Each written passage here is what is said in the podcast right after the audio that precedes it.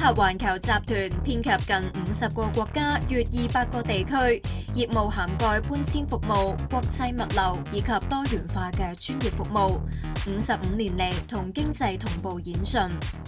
In a business like ours, there are, there are three basic things. We have warehouses, we have vehicles, and we have a lot of good people.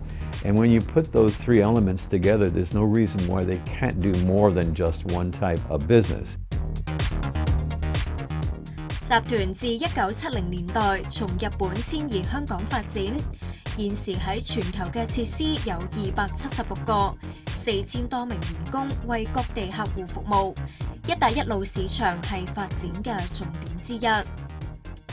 We have always looked for new markets, and if the Belt and Road in some way materializes it where these markets become more viable, sort of in Kazakhstan or places like that, we would immediately look at can we do any of our services in there? Can we establish an office there?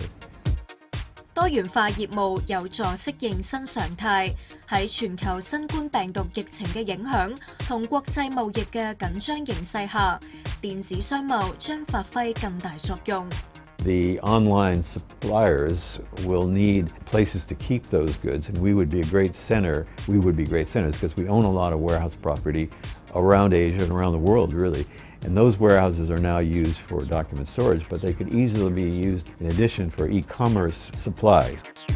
We already have what we call service centers in the Philippines, Malaysia, Kuala Lumpur, and in Prague in the Czech Republic. So we started outsourcing some of the work that we do, but we have to keep a tight control on it because it's under our brand. And I think that's the way of the future.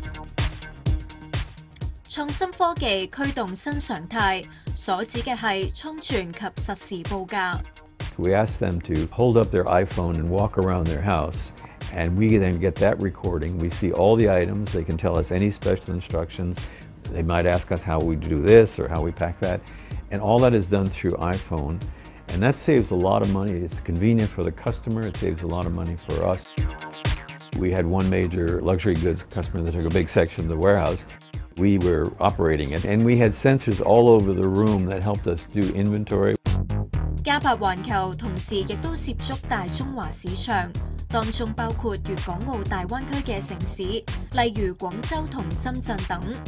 We're investing in that part because we see the dynamicism that's inevitable. If it brings Hong Kong and the counties of that area together, Guangdong province, which it is doing, there's just enormous opportunities for companies like ours. 好似粵港澳大灣區咁嘅新發展機遇，構成嘉柏環球發展新常態。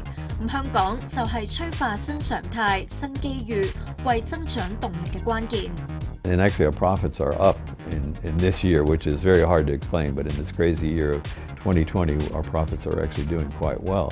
And not only here, but in other locations as well. It didn't take long for us to realize that all the advantages here, this is the place we should be. If we were going to expand further, we should stabilize our headquarters here. Hong Kong has been the easiest place to do business any place in the world that we operate. So I really believe that in terms of the new normal, we're well positioned to deal with it.